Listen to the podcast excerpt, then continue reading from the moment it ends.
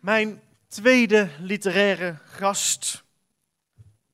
Ik stel hem voor aan u en terwijl ik dat doe, komt hij wellicht al deze kant op lopen. Dames en heren, ik heb het over de schrijver van columns die hij maakte voor Drentse Courant, Deventer Courant, voor het Parool. Dat werd gebundeld in de jaren 90 door Thomas Rap. Vier boeken werden dat. Maar in 2006 kwam het van een bundeling van zijn specialiteit, de ZKV's. De zeer korte verhalen. Speciaal voor die, gelegenheden, voor die gelegenheid werd een uitgeverij opgericht, AFDH. En daar kwam dus in 2006 een mooie bundeling, 336 zeer korte verhalen. Belangrijk is dat ik niet aan de lezers denk. Daarna kwamen er nog een hele hoop bundels, vijf bijlen, handige dromer, wapenbroeders kwam. En dan zijn er nu 13 zeer korte verhalen gebundeld. Allemaal over muziek en stilte. Titel is Hartslag van de aarde. Dames en heren, A.L. Snijders. Welkom. Opnieuw de vraag of ik u iets te drinken kan aanbieden.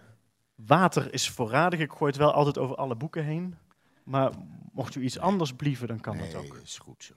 Zo goed? Ja, zo is het. Een leeg glas? Ja. Alsjeblieft.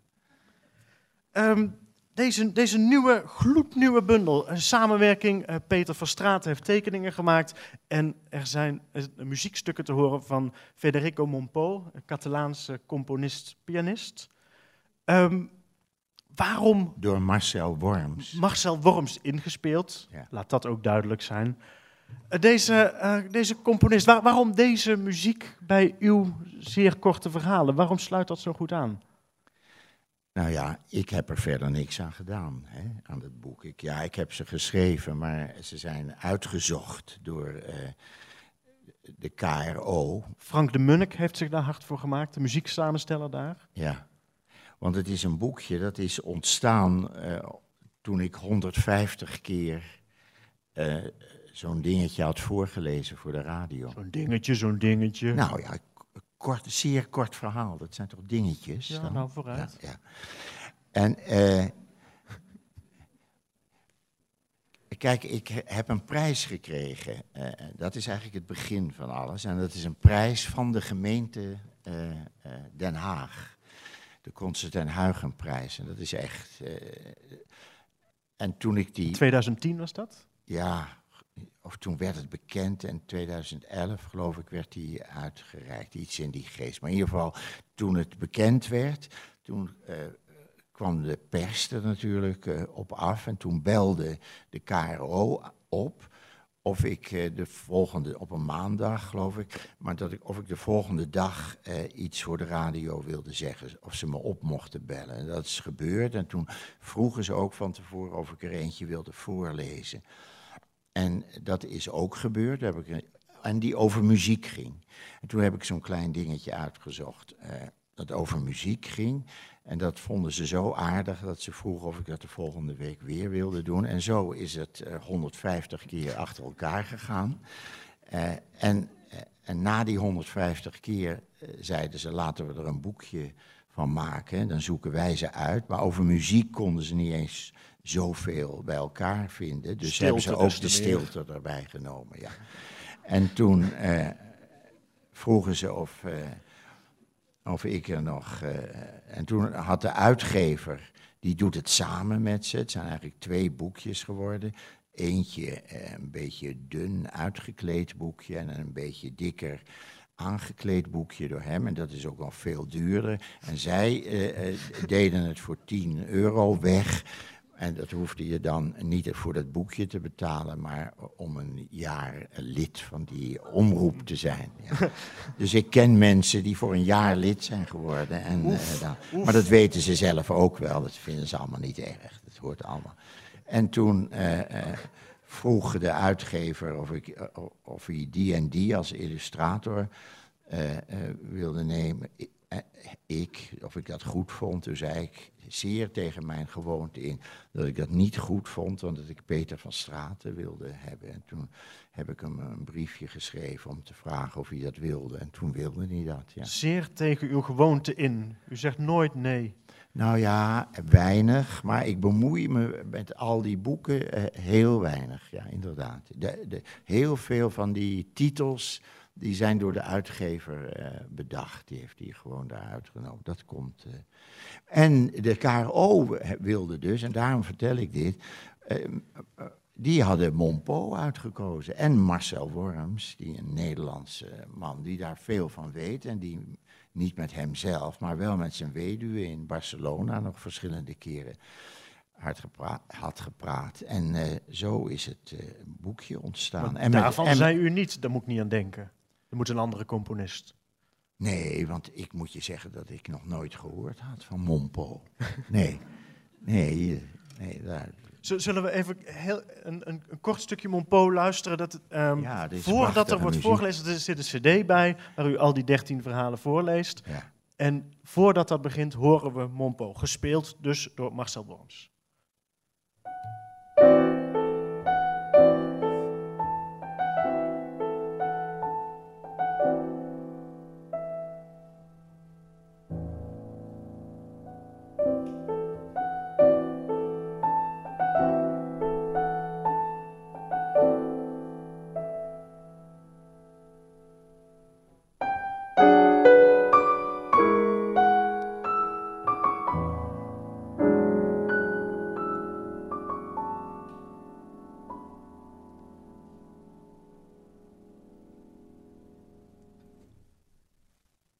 U had er nog nooit van gehoord.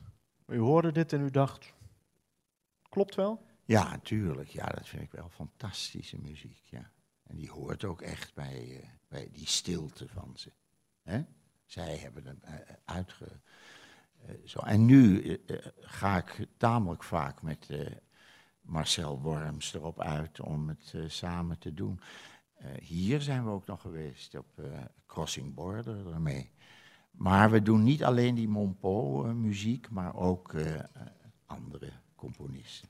Om voor die paar mensen die geen idee hebben van wat een ZKV is, is het misschien goed om het openingsverhaal voor te dragen. Dat is speciaal geschreven voor deze bundel, begreep ik. Over Monpo gaat het, Ja. getiteld Reis. Ja, het is een kort verhaal. Ja, ja. Reis. Als ik mijn grootvader vraag of ik de auto mag lenen, zegt hij alleen, zegt hij alleen met de chauffeur. Hij is streng en toegevend tegelijk. Hij weet dat ik een rijbewijs heb. Hij weet ook dat ik van Haydn, Beethoven en Mozart houd. Mijn grootvader heeft huizen in Zwitserland en Spanje, waar de chauffeur hem naartoe brengt. Hij is 40 jaar in dienst, zwijgzaam en betrouwbaar. Waar heb je de auto voor nodig? vraagt mijn grootvader. Ik wil naar een concert in Barcelona. Het is een grote auto met twee reservewielen achter de voorspatborden. Ik zit achterin, het linnen dak kan open van voor naar achter. De geur van Normandië, de dennenappels, de kurkeik, de geur van brak water, de woestijn. Ik vraag de chauffeur, hij heet Jean, hij leest Proust, zijn moeder is in Parijs geboren, of hij langs Breda wil rijden. Daar woont Claire, mijn verloofde, die clavecimbal speelt. Ze komt naast me zitten, we rijden naar Barcelona. We gaan naar het concert van Federico Monpo, een Catalaanse componist van minimale muziek. Hij speelt zijn eigen werk. Op de terugweg vertelt Claire dat El Greco en Vermeer de favoriete schilders van Monpo zijn. Ze heeft een interview met hem gelezen. Op de vraag welke componisten hij bewondert, is zijn antwoord allemaal, behalve Haydn, Mozart en Beethoven. Jean vraagt of we er bezwaar tegen hebben de laatste dag langs de kust te rijden. Hij trakteert ons op mosselen. Bij de maaltijd vertelt hij dat hij meer van Satie houdt dan van Monpo, die hij te mystiek vindt. In Breda zetten we Claire af Op het laatste stuk naar Amsterdam legt Jean uit dat kunst niet moet vluchten, maar de dingen moet beschrijven zoals ze zijn. Hij zet me af bij de magere brug. We kijken nog even over de glinsterende Amstel. Dankjewel. Jean zegt kunst moet niet vluchten, maar de dingen beschrijven zoals ze zijn. Bent u het daarmee eens? Absoluut niet, nee. Nee. Nee, Kletskoek. nee, ook niet, maar gewoon één mening. De literatuur, dat is een, een piramide van meningen. En die zijn niet allemaal evenveel waard, maar niemand weet precies wat hun plaats is. Dat verandert van, met tijden en, mensen en zo.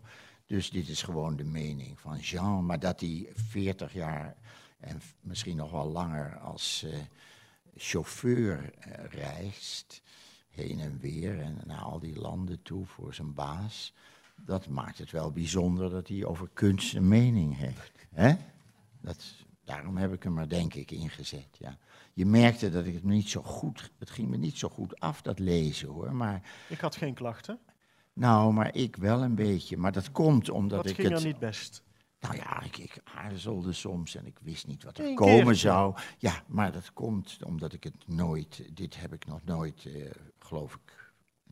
Nou, weet ik niet, misschien toch ook wel. Maar langer, ik lees die dingen niet eh, heel vaak voor. Ik bedoel, ik heb er veel meer dan duizend. Wel 2000 heb ik er. Dus de kans dat ik. En ik probeer er een beetje variatie in te brengen. Dus de kans dat ik deze vaak lees, die, die is klein. Ja, dat bedoel ik. Ja. Ze zijn ook niet uit elkaar te houden op een gegeven moment dan toch? In wel, hoe bedoel je? Meer dan duizend. Ja, Herinnert u zich alle duizend? absoluut Nee. niet, nee. En zeker eh, kan ik de eh, combinatie tussen het stuk en de titel niet. Hè? Dus dan zie- ik een titel, maar dan weet ik absoluut niet eh, waar het over gaat. En dat gebeurt heel vaak en dat vind ik heel leuk, want ik heb ook een slecht eh, eh, geheugen. Maar dan lees ik zo'n ding voor. Bijvoorbeeld zoals hier nu, dat het me aangeboden wordt. En dat ik dan, als ik begin, wel een soort herkenning krijg, maar absoluut niet weet hoe het afloopt. en dan lees ik dus met belangstelling, lees ik. En daarom keek ik ook even hoe lang het was. En ja, ja dat is... Hoe, hoe, hoe lang moet een, een tekst geleden zijn om zich, dat u zichzelf kunt verrassen ermee met het herlezen? Oh, daar heb ik niet veel tijd voor nodig hoor, nee. Ik ben voor de oorlog geboren namelijk, ik begrijp dat niet, hè. Ik begrijp dat wel, ja. ja. Maar, maar het is leuk als ik dit nu zie, dat Peter van Straten, die heeft uit veel meer tekeningen, heeft hij geput. En er staan dus ook tekeningen in die bij een ZKV passen, wat niet in dit boek staan. Ja, vind ik heel interessant, vind ik dat, ja. U heeft ooit, gezegd, ehm, ik slaag er niet in iets te verzinnen. Alles wat ik neerschrijf is zo gebeurd. ja. Was dat een verzinsel of is dat echt waar? Nee, dat is echt waar, ja. En dat eh, vind ik heel... eh, het gaat zo ver bij, mijzelf, bij mij dat ik, eh, als ik een verhaal eh, eh, hoor of zie dat ik... eh, als ik een verhaal hoor of lees van iemand anders, dat ik eh, dat eh, zo goed vind dat ik het jammer vind dat ik het niet zelf heb verzonnen. Maar het gaat nog een stap verder, dat als ik een verhaal zelf schrijf, wat uit de werkelijkheid is, dat ik dat ook heel vaak jammer vind dat ik dat zelf niet heb verzonnen. Ja, want, maar dat heeft een andere reden, want als ik dat zou kunnen namelijk, alles verzinnen, dan was ik volstrekt onafhankelijk van de, van de werkelijkheid. En dat, en dat kan ik dus niet en dat vind ik heel erg jammer, vind ik dat. Maar zit u dan te wachten tot er iets gebeurt waarover te schrijven valt? Nou, kijk, ik, ik ben dus een broodschrijver en eh, heel veel van wat ik schrijf eh, is dus voor een. Nu schrijf ik bijvoorbeeld, vanmorgen schreef ik een stukje en gisteren was ik er al een beetje aan begonnen voor een stukje wat ik zondagochtend moet eh, voorlezen bij de KRO.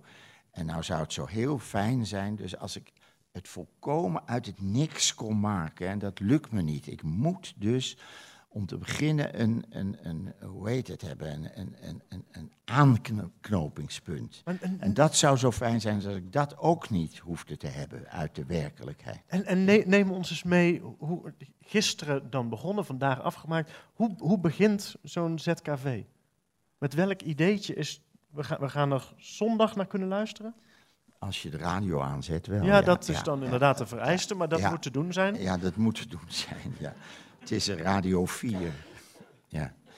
Maar dat stukje waar ik nu, eh, dat moet ik, ja, het lijkt allemaal. Dit kunt u zich herinneren vast. Ja, oh, ja, wacht eventjes. Eh, het, eh, eh, ja, ja, ik herinner het me. Het gaat over een jongen die bij mij zijn tractor in de tuin heeft geplaatst. En vroeg of hij daar even kon staan. En eh, toen zei ik, ja, oké, hoe lang? Toen zei hij 14 dagen. En dat is geworden 33 jaar. En dat is dus niet verzonnen, maar dat is echt waar. Die trekker heeft dus 33 jaar bij mij in de tuin gestaan.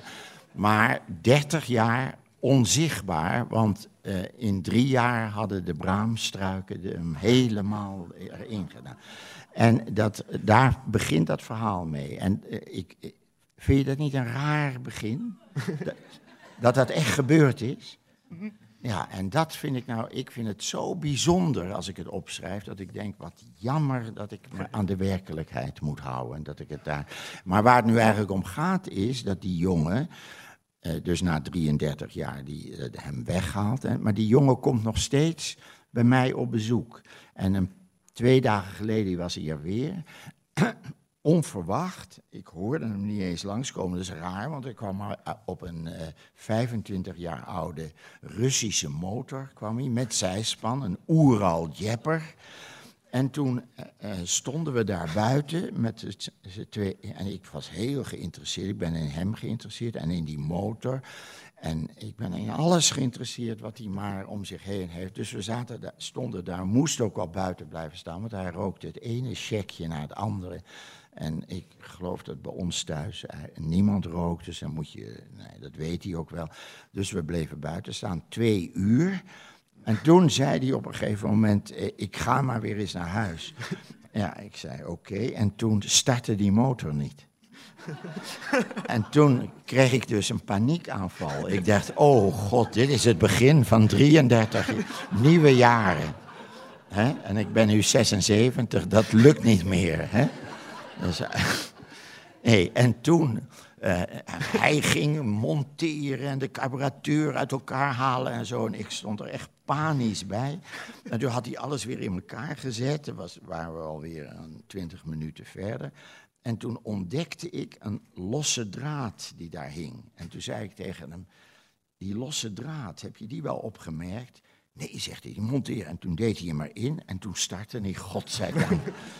En het stukje, en het eindzin, eh, al pratend weet ik hem weer, die eindzin is, ik had het lot een loer gedraaid. Ja. En ik heb het stukje ook de loer genoemd. Ja, ja. Maar dit is stof niet voor een ZKV, maar voor een ZALV. Nee, het is gewoon zo'n klein stukje. Ja, precies. Ja. Maar hoe wordt het van zo'n zeer lang verhaal een zeer kort verhaal? Wat, wat is de... Heel kunst? kort vertellen. Ah, Ja, begrijp je? en hoe moeilijk is Korter dat? dan wanneer ik, Ja, dat zoals ik het nu heb gedaan.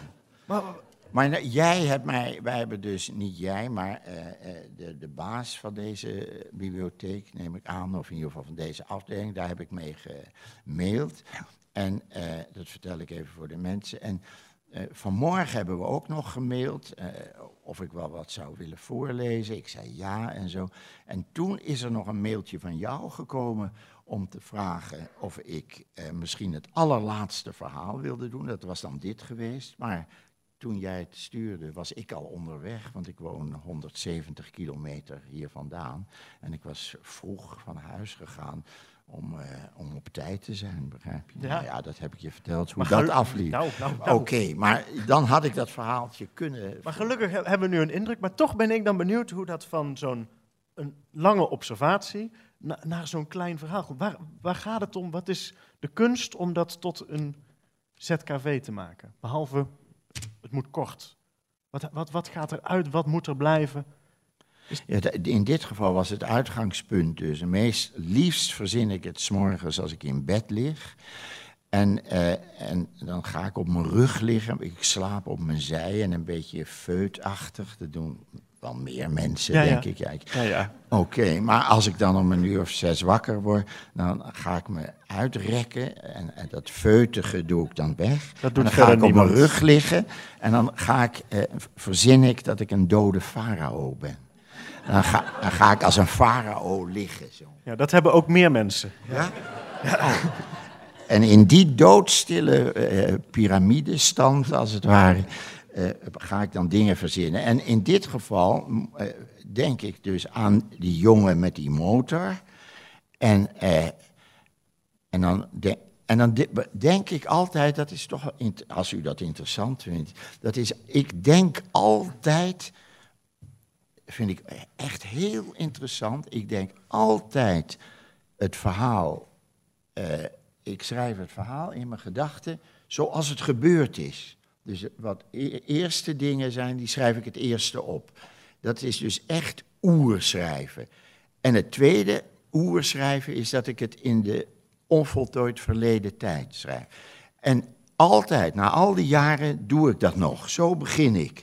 En als ik dan bezig ben, denk ik, nee, wat eerste is, hoeft niet speciaal het eerst worden opgeschreven. Dus als ik over die Oeral Jepper ga op, dan denk ik, nee, dat hoeft niet. Ik ga die tractor, die hier 33 jaar heeft gestaan, die zet ik daarvoor.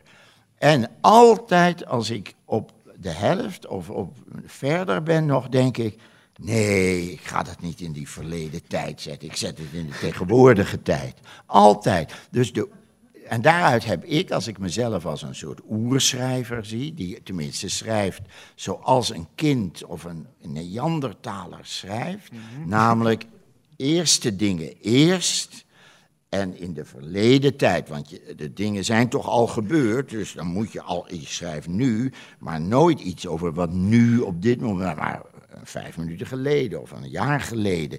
Dus die, en die twee dingen, daar grijp ik altijd in. Maar de volgende keer doe ik het weer. Want ik ben steeds die aap die opnieuw het, eh, het allemaal uit moet vinden. Zo zit het. En, nou, en omdat ik dat dan zo aan het doen ben, lijkt mij het ook eh, makkelijk dat ik er dan ook het, het, om een of andere reden als een ZKV in elkaar pers. Ja, dat, zo zit het in elkaar, ja. Maar ik heb er echt, dus, dus ik heb er veel gedoe om hoor. Want nu bijvoorbeeld eh, eh, ben ik eh, gevraagd door Karel Helder om mee te doen aan een toneelproductie in de Kleine Comedie in Amsterdam. En die gaat over familie en daar heeft hij een heleboel schrijvers voor uitgenodigd. die ik niet allemaal ken, maar sommige wel. En, en mij heeft hij ook uitgenodigd. Maar ik heb door eh privéomstandigheden een paar maanden geleden, of een maand geleden, tegen hem gezegd: Nou, eh, doe mij er maar uit. Ik, ik, ik, kan het eigenlijk niet, ook omdat het me niet lukte over die familie. Ik had niks. En, begrijp je? En toen. eh, zei hij op een gegeven en ik moet en je moet er naartoe steeds om te repeteren. Ik zei, daar heb ik ook geen tijd voor. En toen zei hij, eh, nou ja, je hoef je, ik wil je eigenlijk er absoluut bij hebben, dus je hoeft niet te repeteren, maar schrijf nu maar eh, eh, een paar van die stukjes over familie. En daar heb ik er nu, in al die tijd heb ik er twee regels over geschreven, over mijn familie. En, we- en weer eh, de werkelijkheid. Hè? Want ik kan niet zonder de werkelijkheid. Zal ik je die werkelijkheid even vertellen over mijn familie? Nou, ik begin toch wel benieuwd te raken. Ja. Nee, in twee regels. Nou, het scheelt mij weer een vraag. Ja, ik heb namelijk een tante, of ze nog leeft of dood, weet ik niet. Tante Sonja, een blonde vrouw, ouder dan ik, maar jonger dan die andere tante. En die tante heeft in de oorlog, stond ze aan de goede kant. Ze was de halfzuster van mijn vader. En ze stond aan de goede kant. Ze was, omdat ze vrijde met een jongen uit het verzet, ging zij berichten van de ene verzetshaard naar de andere brengen. Ze was koerierster, begrijp je? En ik heb nog een andere tante, die is dood, dat weet ik heel goed. Die had zwart haar en dat was de zuster van mijn moeder. En die twee familiedelen, die door mijn vader en moeder bij elkaar zitten, die mochten elkaar niet, gingen niet met elkaar om, denk ik hoor. Ik weet het allemaal niet zeker, hoewel ik er veel van mee. Maar die was zo pro-Duits en die heulde zo gruwelijk met de bezetter dat ze in, naar Duitsland ging om op het land aardappelen uit de grond te halen om een man vrij te maken voor het Oostfront. Begrijp je? Gruwelijk. En in de oorlog is ze ook gewoon in een huis waar Joden uit waren weggegaan, uh, is ze gaan wonen. En toen die Joden terugkwamen, levend, was ze woedend omdat ze uit dat huis werd gezet. En die twee dingen, donker, en ze was heel mooi en ze leek op een uh, zigeunerin. En ze kon heel goed hockeyen. En ze had nog uh, in het Nederlandse vrouwenhockeyteam gezeten. U, ik, herinner me, ik herinner me oh. dat u net zei dat u niet verder kwam dan twee zinnen. Nee, precies. En dat wat ik nu vertel, dat staat in zo'n klein stukje. En terwijl ik dus hier naartoe reed, dus, terwijl ik hier naartoe reed, 165 kilometer, ging de telefoon die ik niet op kon nemen, omdat dat niet mag. Hè, en ik heb mm. geen hands-free. Dus mijn vrouw nam, nam de telefoon op en die zei... Uh, oh, Karel, want dat was Karel Helder van de oh. Kleine Comedie. En die zei of hij mij kon kennen. Nou, dat kon niet, gelukkig. Want hij, en, uh, uh, en toen zei hij, vroeg hij of hij volgende week langs kon komen. Dus mijn hele dagen staan nu in dat ik dat, die kleine rotstukjes, die moet ik een beetje oppompen. En begrijp je dat ik een heel moeilijk leven heb? Nou, ik, poeh, ik benijd u niet. Nee. Ik benijd u niet. Maar mocht, mochten wij... Want de 21ste is het al. Het is de Oh. 21 februari. Verdorie. Ja, en het is nu de zevende of zo. Dat moet je er aftrekken en dan kom je op 13 of zo dagen. Ja, 14. 14, op Ja. 14 dagen. Dat lukt makkelijk. Nee, want Nee. Ik, moet- ik moet... zondag moet ik naar Maastricht om eh, voor te lezen in de boekhandel, de Tribune, die 35 jaar bestaan. En die boekhandels, daar gaat het zo slecht mee dat ze aan mij hebben gevraagd om iets, opbeurends voor te lezen. Als, als wij niet telkens willen wachten op die zondag dat er iets wordt voorgelezen op de radio, dat we niet willen wachten tot er weer een bundel is verschenen, dan kunnen we ons inschrijven op de graslijst. Ja. Die bestaat nog steeds, Ja, toch? die bestaat. Ja, ja. De graslijst is een, is een, is een mailinglist. Ja. En dan komt daar met welke frequentie in je e-mailbox een verhaal? Nee, ja, eh, soms één per week en soms vijf per week. En alles wat daar, ja. Dus het is ongeregeld. En, en hoe kunnen wij ons daarop inschrijven? Door ehm, je, hoe heet het, aan me te geven. Eh, hoe heet dat? E- je e-mailadres. En, en ik geef dat aan, door aan de eh, uitgever. Vroeger deed ik het dus zelf, maar toen waren er nog maar twintig.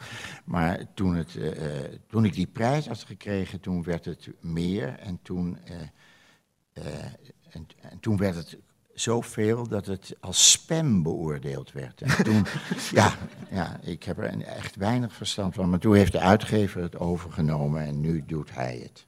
U heeft dat, eh, die lijst de graslijst genoemd, omdat gras volgens u het mooiste Nederlandse woord is. Ja, Wat maakt gras zo'n mooi woord? dat weet ik niet. Maar, eh, eh, maar het ja, gras, om, omdat het zo'n kort woord is en omdat het... ja, en ook de betekenis van gras, dat gras altijd maar, maar groeit en zo. En in de Bijbel staan ook mooie dingen voor gras. En de beste roman die in Nederland verschenen is, naar mijn smaak uiteraard, is eh, Villa der Roos van eh, Willem Elschot. En op de eerste bladzij beschrijft hij dus een... eh, in Parijs speelt het zich af, een, een ruïne die daar staat, gewoon in de stad. En dan schrijft hij een paar hele ontroerende dingen over het gras dat altijd weer blijft komen. Hè? En toen ik, eh, en ik noemde die lijst gras, omdat ik, ja, het klinkt te gek voor woorden, maar ik eh, had begrepen dat ik die lijst, als die te lang werd, dat die dan al als spam werd aan. Dus ik maakte allemaal korte lijstjes van, uh, van 15 mensen. En die gaf ik allemaal een grasnaam. Dus uh, je hebt allerlei soorten gras, want ik woon buiten. Je hebt raai, Italiaans raaigras en Engels raaigras en bermgras en, al, en, en, ook allerlei grassen die ik zelf verzonnen heb. Dus dat, die werden dus, ik ver, verzon tientallen van die kleine lijstjes. En dan zat ik dus maar heel knullig ging het allemaal. Dus dat is ten onder gegaan, maar de, de naam is gebleven, de graslijst. Ja. Gras, ja. En dan lezen mensen die en hun reactie is herkenbaar. En daar gruwt u van. Ik begrijp niets van wat je nu zegt. Nee? Nee, wat, wat zeg je? Ik zeg dat er als mensen op uw ZKV's reageren met dat ze het herkenbaar vinden, Oh, dat dat niet per se iets is waar u blij van wordt. Dat u liever dat heeft, u heeft dat gezegd? ergens Oh, gezegd. ja. U heeft liever dat. ja. Ik hou het meest van stukjes waarbij mensen zich een beetje onbehagelijk voelen. Oh ja, ja, ja, ja, ja, dat is zo. Ja, Er moet altijd één zin in staan. ja, ja, ja, ja, ja. ja. Wat voor onbehagelijk gevoel zit er in dat verhaal van de tractor? Oh nee, maar ze- de- het lukt niet altijd hoor. Nee, nee. De meeste eh, voldoen niet aan die eis. Nee, dan- maar ik kan het alleen maar achteraf zien. Eh, nee, maar dit stukje bijvoorbeeld, wat, eh, wat ik nu net gelezen heb, dat, dat- dan weten we waar, het over, waar, waar we het over hebben. Hè? Daar kijk ik even naar dan, of daar ook rare dingen in zitten. Ja, eh, nou ja, dit bijvoorbeeld. eh, op de terugweg vertelt Claire dat El Greco en Verm- Vermeer de favoriete schilders van Montpoux zijn. Dat, eh, dat is waar, bijvoorbeeld, begrijp je? Dat heb ik gewoon ergens gelezen op Wikipedia of zo. Dat zijn mijn bronnen. En, eh, en, maar dat is dus voor mij wel een beetje raar dat dat meisje doet. Ik weet ook niet wanneer het zich afspeelt. Maar die auto, dat is wel een auto. Inderdaad, zo'n auto had een van mijn grootvaders ook, ja. Namelijk, eh, die dochter die fout was in de oorlog, was van die grootvader een, eh, een kind. En mijn moeder was dus ook van die grootvader. Maar mijn andere grootvader, die had ook zo'n auto. Ze hadden, ze hadden allebei van die grote auto's. Waren dus eh, mensen die. Hij was een drukker en een uitgever. En die andere grootvader, die was een. eh, stucadoorsknecht die voor zichzelf was gaan werken en patroon was geworden. Zo heet, dat is het woord, patroon, stucadoorspatroon. En, eh, en eh, rijk geworden was. En daarom kom heb ik twee grootvaders met zulke auto's. En ook twee eh, tantes die en heel goed en heel fout zijn geweest. Begrijp je? 21 februari. Ik denk dat het goed komt. Ja. Zullen we om af te sluiten één, één verhaal nog doen? Ik, ik, Ja. We kunnen kiezen, we kunnen de afsluiter van de bundel doen. Het spiegelverhaal met reis. Nee, ik heb een eigen verhaal meegenomen. Vind je dat ook goed? Nog veel Ja, liever. Waar gaan we naar luisteren? Naar een verhaal wat ik even opzoek. Ja, ja. Wacht even. En dat lees ik wel eens meer voor. En even kijken hoe het heet. Ja. Nou ja. Dat is, oh ja, hier. Het heet Puntdicht. En het, ik heb het klein gemaakt, zie je? Het loopt verder op die andere bladzijde, maar ik heb alleen maar dit deel eruit gesneden. Dat kan ook dus nog gebeuren. Puntdicht, tenslotte, dames en heren. Op 1 november 2001 lees ik in NRC Handelsblad een stukje over de dood. Het is geschreven door een man die zijn eigen grafkist timmert. Hij schrijft: Ik heb een vorm van kanker waar de dokter al een jaar of tien de rem op zet. Maar tot stilstand brengen kan hij niet. Dat brengt mij tot een zekere familiariteit met het naderend einde. Ondanks, onlangs besloot ik mijn eigen kist te timmeren. Hij legt uit dat de gefineerde kisten met namaak barokke handvatten nogal erg zijn en hij is bang dat de lijkbezorger zoiets met een zekere vanzelfsprekendheid zal willen slijten aan zijn dierbare verwanten. Hij heeft zijn eigen model getekend. Als materiaal koos ik sloophout, hetgeen me de juiste keuze leek voor iets dat, laten we zeggen, twee dagen functioneert en op de derde dag verbrand wordt. Het voeteneind heeft de vorm van een kelk en daarop staat een punt dicht, waarbij het bekende hier ligt poot, hij is dood, wijdlopig is. dit intrigeert, dit maakt mij nieuwsgierig. Ik wil weten hoe dat gedicht luidt, maar de schrijver houdt ons aan het lijntje, hij verklapt het niet. Hij gaat verder. Wegens de kelkvorm vertonen de zijkanten een lichte welving die alleen te bereiken is als je smalle latten gebruikt. Het is het principe van de Bergermermeer 16 kwadraat, zoals iedere oude, oudere zeiler weet. Maar dan hol, niet bol. De latten zijn gelijmd en gespijkerd, zoals de BM-uitvinder Kapper Bulthuis al deed.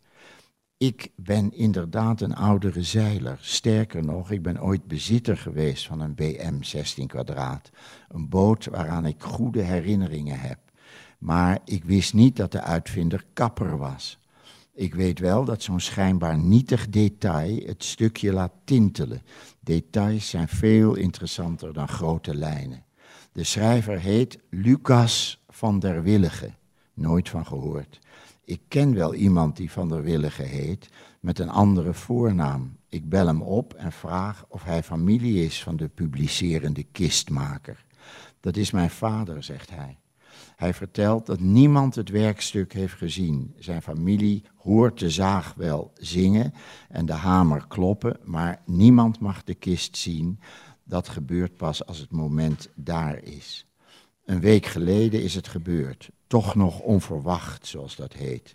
De kanker houdt zich 15 jaar rustig, verroert zich dan even en de dood is daar.